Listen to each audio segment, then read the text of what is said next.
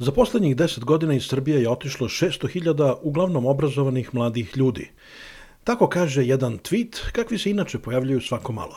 Ali da li je zaista tako? Ovo je Novi radio karantin.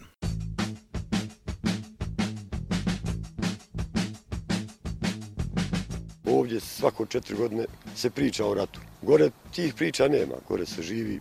To je propast za državu. Kao, kao kad ode jedinac sin od oca. Šteta je, pogotovo ovi naučnici, doktori, budući i tako dalje, sve ide vani. Normalno da recimo Hrvati ideju u Sloveniju, da Slovenci ide u Austriju. Misle da to nije dobro. Ja isto imam djecu. Nemam argumenta da im kažem da, da, da jednostavno žive, jer više i to i domoljublje i sve je to fraza. Puno više se radi nego u nas. Nemaš baš nekog vremena za odmor, ali isto tako taj rad dobro plaćen. E, znači ne znam nikoga ko je ošao da se vrati, a i da nije zadovoljan. Znači svi ko su, koji su otišli čak rekli da bi se vratili, e, zapravo su na kraju ipak ostali. Kako da žive sa 20.000 u Aranđelovcu? Pa bit ću vam iskreno odlučio sam se, uvijek sam bio neki kao pesimist, ma di ću, ovdje sam svoja kuća, svoje, tvoj narod, međutim, e, nema iz tog naroda ništa.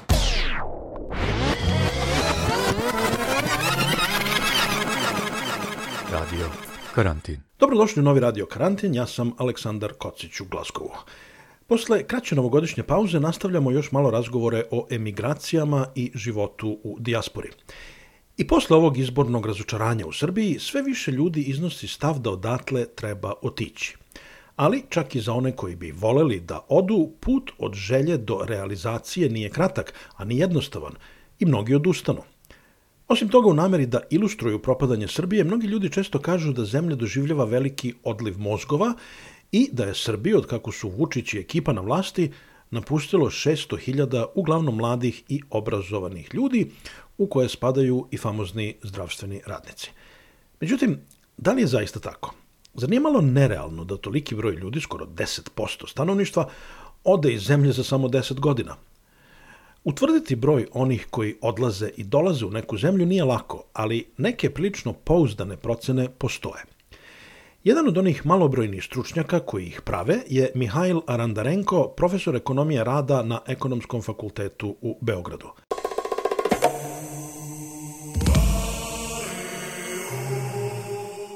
Koliko ljudi je otišlo iz Srbije za poslednjih 10 godina? To su podaci koji je uvek potrebno veoma oprezno saopštavati zbog toga što postoji fundamentalna razlika između takozvanih bruto odlazaka, znači svaki put kad neko bude registrovan kao osoba koja je otišla, tada govorimo o bruto emigraciji. Međutim, neto emigracija je zapravo e, stvarno stanje, odnosno koliko ljudi je ostalo više u zemljama destinacije, e, pošto su, pošto su otišli. Znači, to je taj neto, ne, neto broj. I, nažalost, mi ne možemo sa sigurnošću da znamo koja je to brojka. Moje procene su da je to manje od 10.000, 10.000 ili manje godišnje, znači relativno umerene, kad govorimo o neto emigraciji, dok neke indikacije na osnovu popisa, za koje ja ne verujem da su definitivne, niti da će izdržati neki ozbiljniji test, govore da je to možda dvostruko više, 20.000 ili tako nešto. Znači, Kako se to meri? Pa, e, meri se kao rezidual e, kada govorimo o popisu. Znači, zato je to jako jako nepouzdano, zato što taj rezidual u sebi sadrži grešku popisa. Znači, ta greška popisa, da vi možete da imate manje ljudi koji su popisani u zemlji, ali možete da imate i više ljudi koji su popisani u zemlji. Recimo, može da bude trivialan motiv, pošto su popisivači plaćeni po uh, jedinici koju popisuju, onda oni mogu da ignorišu, recimo, preporuke da studente treba popisati tamo gde žive, a ne sa roditeljima ili obrnuto već kakve su preporuke i tako dalje. Tako da je zapravo šta je, šta je u pitanju? 2011. je naš popis prvi i jedini put imao višak popisanih po naknadnim proverama. Znači, oko 1,5% popisanih je bilo višak. To je neki oko 120.000, recimo, ljudi. A ne samo to, nego ako se set, set, setit ćemo se da je tada uh, su Albanci iz Preševske doline bojkotovali popis. Tako da ih je bilo i uh, više od toga. Uh, mislim, ta greška je bila veća. Dok u normalnim okolnostima obično je greška, trebalo bi da, da to bude greška na negativnoj strani, odnosno da nisu svi popisani, jer to znamo da se vrlo često dešava. Ali kod nas upravo zbog emigracija i tih dvostrukih i tih komplikacija sa tim ljudima koji su privremeno izvan svog mesta boravka, imamo tu situaciju da zapravo ta greška popisa može da bude podjednako velika kao i potencijalne emigracije i onda nemate jasnu sliku. Zbog toga sam ja prefer, zbog toga ja preferiram drugi izvor, a to su to je ono što se zove ogledalo statistika, drugim rečima to je šta nam kažu statistike u zemljama prijema. Jer oni, vi kad ste zemlja prijema, vi imate potpunu kontrolu ili skoro potpunu kontrolu nad e, imigrantima, u smislu da na kraju svi oni završe ili da velika većina onih bitnih emigranata, znači oni koji su duže, kao registrovani emigranti. I većina ljudi naravno i odlazi na taj način, Tako da po tom osnovu sam ja došao, gledajući statistiku glavnih zemalja destinacije, sam ja došao do te procene od oko 10.000 uh, odlazaka godišnje. Znači to su velike, relativno velike brojke, ali nisu, nisu ekstremne i ja i dalje ostajem da je stvarno stanje koje mi naravno ne možemo da znamo bliže moje proceni nego, nego nekoj implicitnoj iz popisa. Kod nas u Britaniji su naravno migracije veliko, krupno političko pitanje, kao i u mnogim drugim zemljama, ali ovde država zna i svake godine objavi broj onih koji su otišli i broj onih koji su došli i onda se meri da li je neto migracija pozitivna ili negativna. Kako se ovde zna, u Srbiji se ne zna, nego se radi samo jednom u deset godina. Pa upravo je poenta u tome što ja sad m, pretpostavljam da u Britaniji kao i u velikoj većini drugih zemalja i ne postoji e, i ne postoji taj popis koji se postoji, radi. Postoji, postoji veliki popis koji se radi postoji, u jednom postoji. ali on je uglavnom neka vrsta potvrde onoga što su administrativno raspoloživi podaci. Kao što bi trebalo da bude i kod nas kada bismo imali dobru, dobru dokumentaciju. Mada činjenica je da u Britaniji je manje ovaj, eh, ajde da kažemo, ona je manje birokratizovana sa tim jedinstvenim brojevima, ličnim kartama i tako dalje, što je odlika eh, kontinentalnih zapadnoevropskih zemalja, gde praktično popisi ne postoje zbog toga što su svi podaci već na raspolaganju, svi bitni podaci su već na, na raspolaganju e, vladama. Ali u svakom slučaju to je naravno stvar, kako da kažemo, organizacije države, nivoa na kojem efikasnosti emigracije i statističkih službi, ali mora se reći i sledeće. Znači, u Britaniji postoji, e, kako da kažem, svaki građanin ima neka univerzalna prava od kojih su neka povezana sa rezident, sa boravkom u, u zemlji.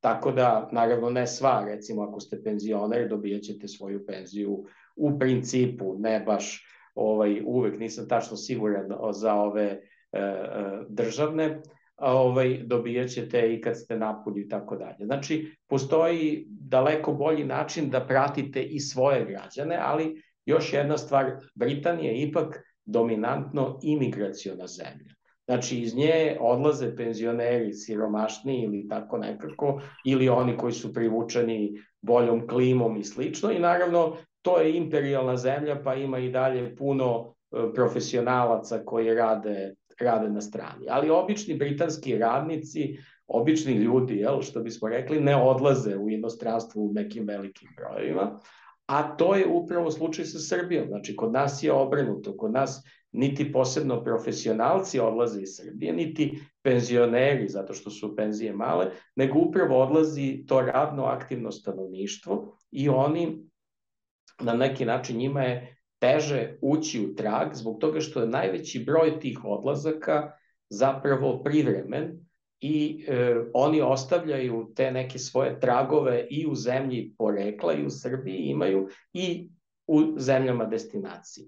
Naravno, postoje i oni koji se iseljavaju trajno, mada to su odluke koje u principu se donose kako se odvijaju. Jel? E, mali broj ljudi se iseljava sa namerom da se više nikada ne vrati u svoju zemlju, nego je to situacijona stvar. Tako da, e, objektivno, e, srpska situacija je bitno drugačija, jer, ponavljam, mnogo je teže uhvatiti vaše građane koji nisu u vašoj zemlji, nego građane drugih država koji su došli kao imigranti u vašu zemlju. Policija je domaća institucija i ona registruje one koji su u zemlji, ali nije to u stanju na taj način da radi sa onima koji su, koji su otišli iz zemlje, jer u Srbiji recimo postoji obaveza da se odjavite, ali ljudi to ne rade i to je nemoguće, nemoguće izmeniti. Sad, ako zanemari, ako pođemo od pretpostavke u stvari, da Britanci ili Šveđani ili Nemci ne dolaze u Srbiju da rade, ili ako dolaze, to su jako zanemarljivi brojevi.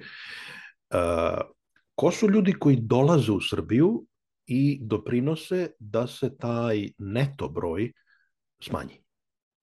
Neto da. broj odlazaka.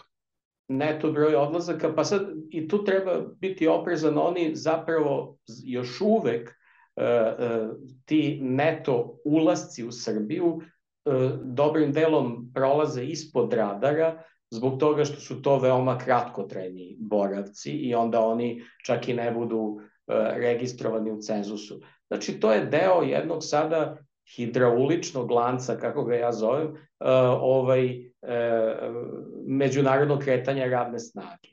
I to kretanje radne snage je jasno ovaj, orijentisano od siromašnijih zemalja ka bogatijim zemljama. Znači, radnici, naravno, idu u potrazi za većim platama, e, kada govorimo o ovim migracijama radnim koje su najčešće i koje su dominantne u ovom slučaju. Znači oni odlaze iz zemalja u kojima su manje plate u zemlje u kojima su veće plate sa namerom da zarade, da ostvare određenu uštedu i da tu ušteđevinu ovaj, iskoriste u svojoj zemlji za, za podizanje standarda, kuću, automobil, šta god. I sada Srbija je dugo bila na kraju tog lanca zbog toga što su njene, znači među ono, onim siromašnim zemljama koje nisu prihvatale strance, zbog toga što su njene plate bile niske i zbog toga što je postojao višak ponude radne snage. Znači, velika nezaposlenost. To je bila situacija sve negde do 2015. 16. godine otprilike. Međutim, onda su se dogodile dve stvari koje su e, kako da kažem, koje su, e, gde Srbija polako počela da ulazi u taj lanac i sada kao jedan od srednjih članova. Istina, opet i dalje pri dnu, tamo gde je i mesto po nivou razvijenosti, ali ona je sada umeđu vremenu e, izgubila dovoljan broj svojih radnika na dva načina, kroz starenje populacije, znači prosto stanovništvo radnog uzrasta se u Srbiji smanjuje za 50.000 godišnje, i dva, kroz emigraciju, znači radnu emigraciju. Broj koji ja spominjem, 10.000 godišnje, zapravo predstavlja možda 50.000, još 50.000 ljudi manje, istina ne svake godine, nego stalni deficit, ovaj, koji sada rade u inostranstvu i ne, ne vraćaju se, odnosno nisu raspoloživi u Srbiji za rad. Znači, vi imate ljude koji recimo rade na kruzerima.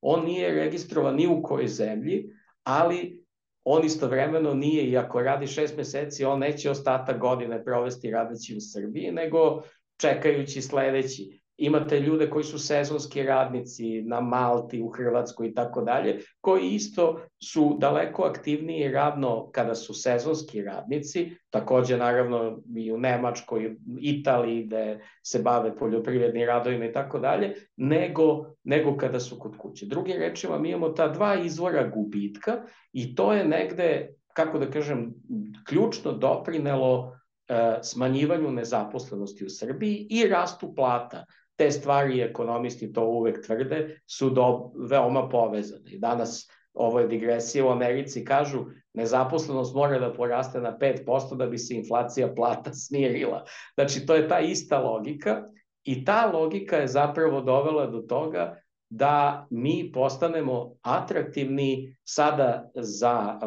kroz rast plata, pre svega nominalnih plata, znači u evrima, jer standard nije bog zna koliko porastao, ali kroz rast tih nominalnih plata mi smo sada atraktivni za recimo Centralnu Aziju, za Turke, za Filipine, za Kubu naravno, zapravo recimo Kuba, tamo su uvek postojale razlike, ali potrebno da se steknu, mislim u platama naravno velike, ali potrebno da se steknu određeni uslovi, da kubanska vlada malo relaksira stvari i da nama zaista trebaju radnici iz, e, sa Kube i tako dalje. Znači, mi smo sada deo tog lanca, naši radnici i dalje odlaze u inostranstvo, ali e, ravnoteža na tržištu rada se uspostavlja kroz imigraciju. Kad pričamo o odlascima i broju ljudi koji odlaze, evo, daću jedan prost primer. Moja prijateljica ovde u Škotskoj je nedavno došla iz Srbije, ona je dobila radnu dozvolu i ona je sa sobom dovela supruga i dvoje dece.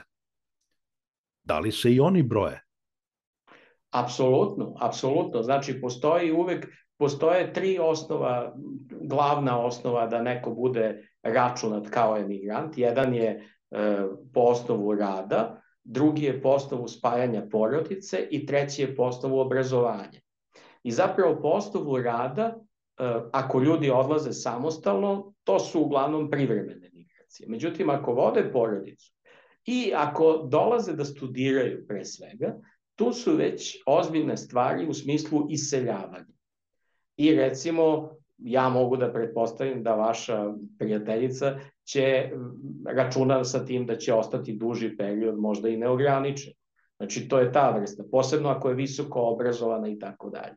Znači, to su sve stvari koje su indikativne za to da su odlasci trajni. Kada vodite sa sobom porodicu, a niste na nekom uh, privremenom radnom zadatku, uh, kada ovaj uh, kada odlazite da, da studirate, jer posle vam se otvaraju nove mogućnosti, ovaj, to, su, to su i kada imate visoko obrazovanje, jer onda već znači da ste prešli tu prepreku koja je velika za mnoge ljude koji nemaju visoko obrazovanje, a to je znanje jezika, znanje, sposobnost uklapanja u kulturu, želja da se uklopite u drugu kulturu i tako dalje. Ali na svu sreću naša, kako da kažem, visoko obrazovana populacija nije ni toliko brojna, niti toliko, ovaj, kako da kažem, e, e, konvertibilna u tom nekom značenju u mogućnosti tog uklapanja kroz profesionalno znanje i tako dalje, da bi to bio glavni kanal naših odlazaka. E sad, ako možemo da zaokružimo priču o, o, o broju odlazaka, postoji podatak uh, OECD-a o 650.000 ljudi koji su otišli iz Srbije za poslednjih 10 godina. Jel to drži vodu? A to nije podatak OECD-a. Ja sam to našao, ja sam to našao i hteo sam čak i da ovaj e, da da napišem direktan direktni komentar što sam i uradio delimično u svom poglavlju.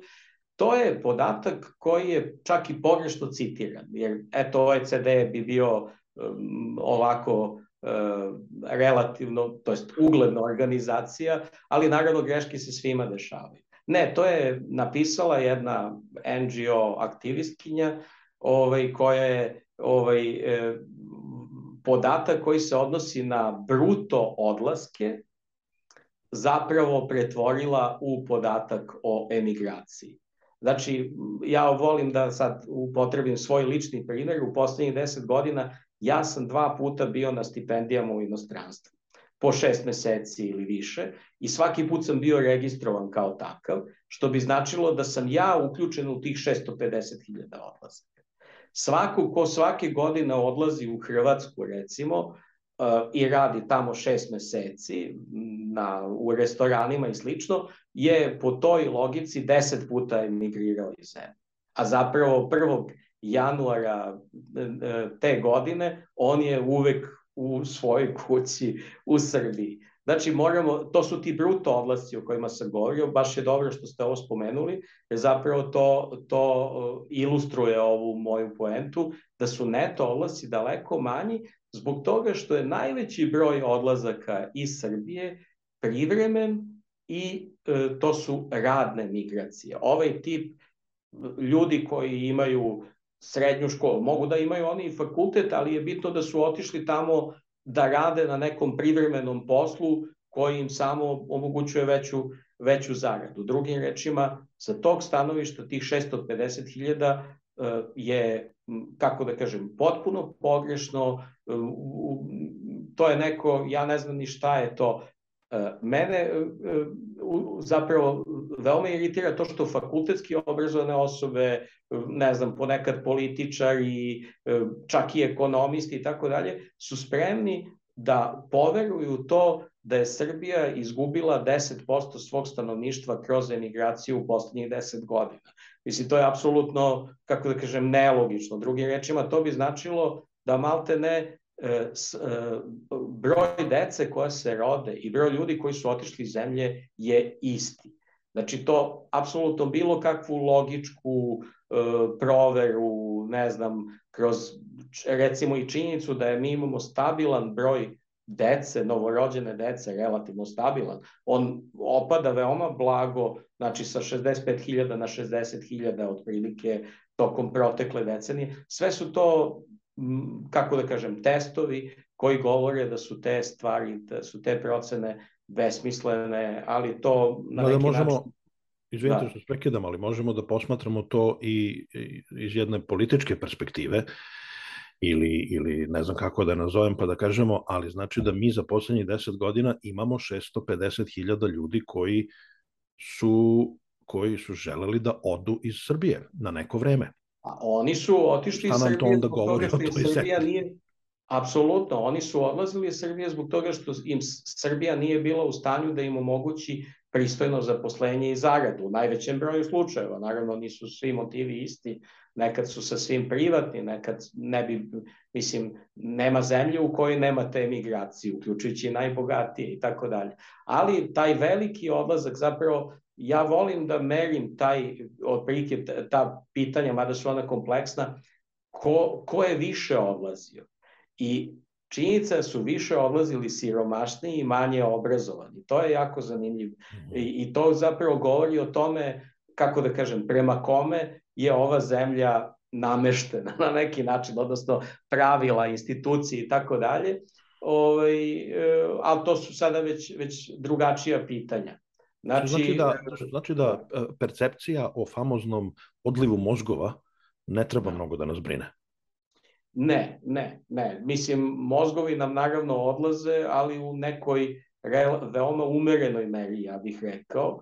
I to je e, možda e, rezultat, ako hoćete, neka čudna pozitivna eksternalija toga što naš obrazovni sistem nije dovoljno dobar da produkuje ljude koji bi se lako uklapaju u međunarodno u, u, u, u međunarodno tržište. Znači, naši, naše zanatli imaju manje problema, to je naravno uvek tako, da se uklope u nemačko tržište nego naši doktori i ne daj Bože pravnici. Jel? Vi ne možete, naravno puno zavisi od profesija, doktori i inženjeri, njima su potrebni verbalne veštine, ali one mogu da, one su sekundarne na neki način u odnosu na ono znanje. Međutim, za recimo veoma veliki broj profesija, verbalne veštine su ključne.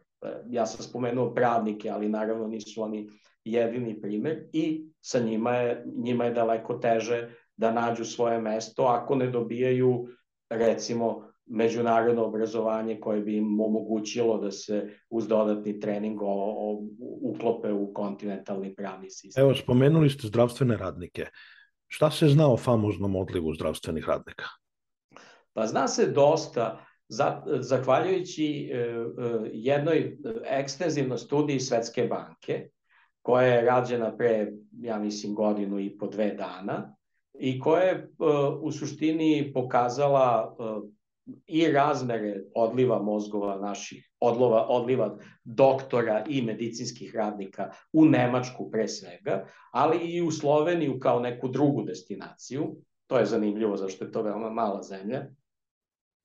Ovaj, znači, najviše naših medicinskih radnika odlazi, doktora odlazi u Nemačku, ali treba imati u vidu nekoliko okolosti. Prvo, taj odliv nije prevelik. E, u vreme kad sam ja gledao te podatke, to je bilo kumulativno nekih hiljadu i po ljudi, što je moglo da se poredi sa tadašnjih preko 2000 nezaposlenih doktora u Srbiji u tom trenutku. Znači, uprkos tome što je Nemačka isisala neki značajan broj naših doktora, ovaj, u Srbiji je u tom, to vreme bilo više od 2000 nezaposlenih doktora, a bilo je periode kad ih je bilo 3000. Sledeća stvar je ponovo što za, vi da biste radili kao doktor u Nemačkoj, potrebno je da znate jezik, potrebno je da e, položite određene testove, da se proveri vaše znanje, e, da i prođete i neku praksu i tako dalje i nekim doktorima bude ponuđeno niže mesto, a drugi prosto budu odbijeni. Drugim rečima, postoje prepreke ulasku koje nisu ogromne kao recimo u Americi i pretpostavljam u Engleskoj, ali te prepreke nisu, nisu toliko ni male i ne mogu svi da ih preskoče.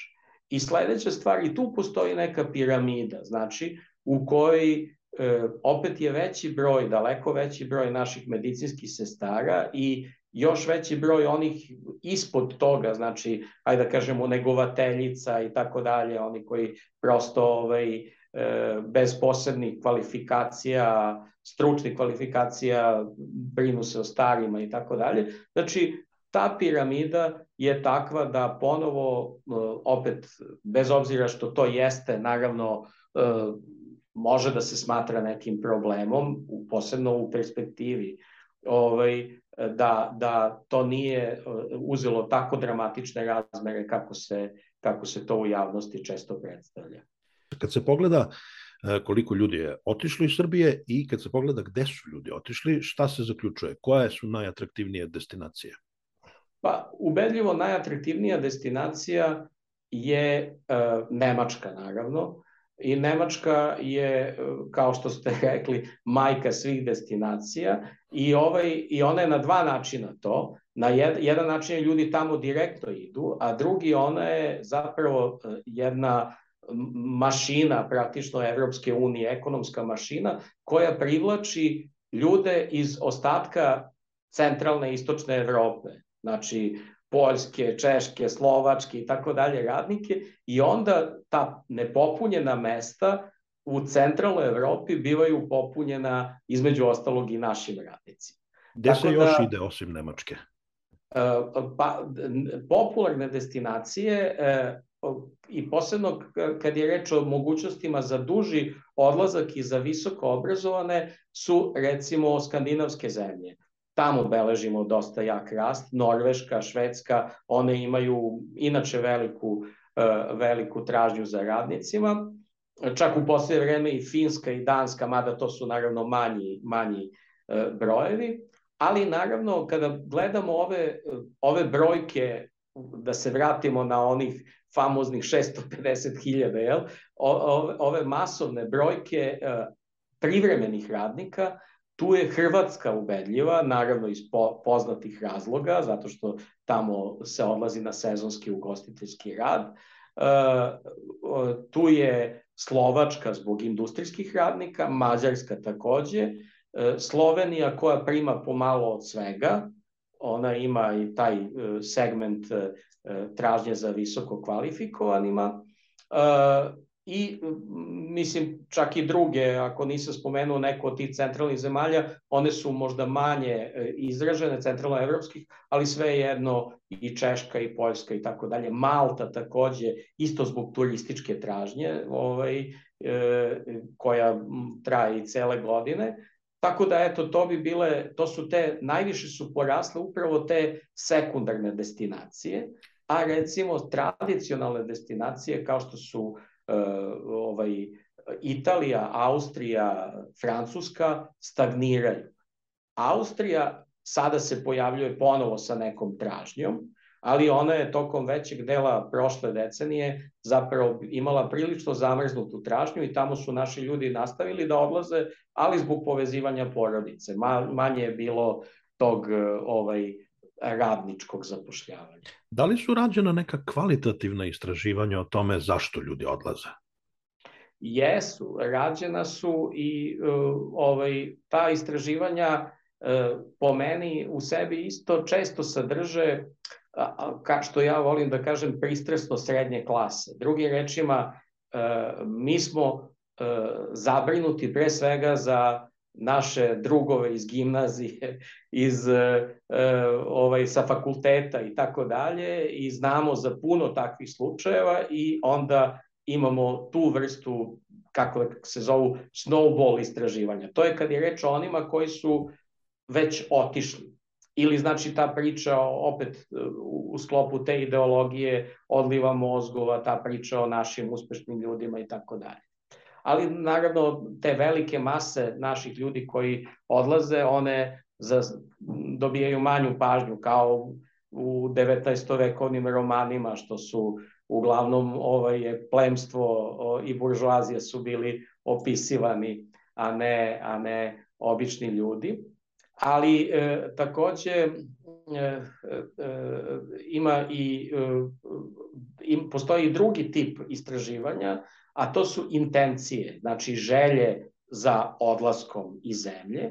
I ta istraživanja e, ovaj, ona na neki način, ja sam skeptičan prema njima zašto ona pokazuju neke ogromne procente, 70-80% ponekad, i po meni to je više, ovaj, kako da kažem, ta pitanja nisu verovatno dobro formulisana ili ona ne znače puno. Ona mogu da znači ako ste vi student, vašu otvorenost, vašu želju da vidite sveta i da nešto proživite i tako dalje. Znači nešto što je zdravo, a što nije nužno kako da kažem, odluka, čvrsta odluka o napuštanju zemlje zauvek, što se u nekim interpretacijama onda onda, onda dešava. Tako dug je da, put, dug je put od namere do... Apsolutno. Znači, to je osnovna stvar. Na svakom od tih postoje e, ta neka pitanja e, kad su upitnici lepo rađeni, onda su oni skalirani. Onda vi imate to prvo pitanje, da li biste bili spremni da radite u inostranstvu i to je tih 70-80%. Ali onda pitate, a da li ste e, ovaj, nešto preduzeli, da li ste čitali oglase, E, pa onda tu padne na 50%, pa onda pitate da li ste e, se raspitali šta vam je potrebno za neku vizu ili tako dalje, da li ste uzeli kurseve jezika zemlje u kojoj želite da idete i onda e, procenti padaju na neke koji su, jel tako, daleko normalniji, daleko realističniji, ovaj, to, je, to je sasvim prirodno i tu onda naravno dolazi do tih interpretacija Ovaj, I takođe postoji ta neka sugestivna pitanja ovaj, gde otprilike zbog čega želite da odete i onda otprilike taj trivialni odgovor koji je tačan u 90% slučajeva zbog boljeg života, zbog veće plate i tako dalje, ovaj, bude, bude potistut nekim, nekim odgovorima koji su efemerni, recimo za, za, zbog institucija, zbog uređenog života i slično. Znači, emigrant koji ode u, ne znam, na Aljasku da, da ovaj, čisti ribu, on nije video Ameriku. Mm -hmm. On nije video ni Aljasku, on je bio na, možda na nekom brodu i čistio je tamo ribu. Znači, ljudi ipak ovaj, su svesni toga, naravno, opet, to se ne odnosi na nekoliko procenata onih koji su uglavnom visoko obrazovani, visoko svesni svojih e, potreba, želja, e, znaju kako da ih ostvare, onda oni su odlučni da, da to i urade, ali to ne bi moglo da se vidi u tom procentu u običnim ispitivanjima, a često dobijemo to kao rezultat. I samo kratko, vi ste napisali na jednom mestu u jednom svom radu, e, jednom od svojih radova, Srbija najviše izvozi radnike, a mnogo manje ljude. Šta to znači? Da. Pa to znači upravo ovo što sam rekao. E,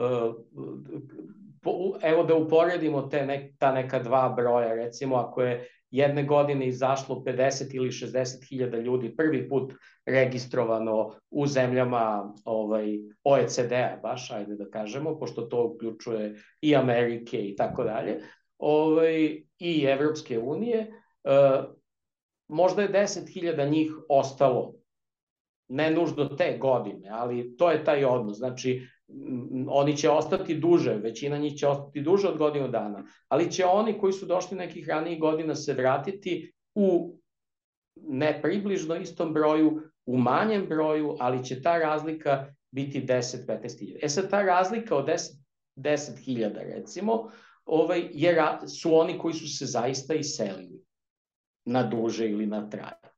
A on, oni ostali su oni koji su sami ili sa porodicom otišli da rade ili da se obrazuju pa se pa se vratili. Znači, to je u preseku jedne godine, ali ponavljam, naravno, radi se o kohortama koje se međusobno preklapaju i ovaj, te, ovaj, ti odlasci i povraci mogu da budu posle jako dugog perioda. Ali i to onda znači da smo mi izvezli mnogo više radnika nego što nam je zaista otišlo ljudi.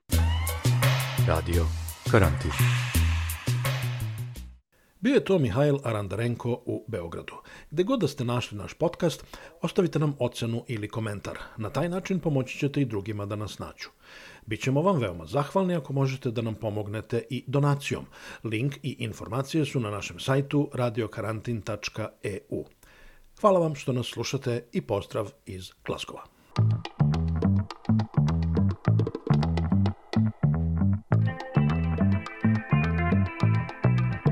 Радио карантин.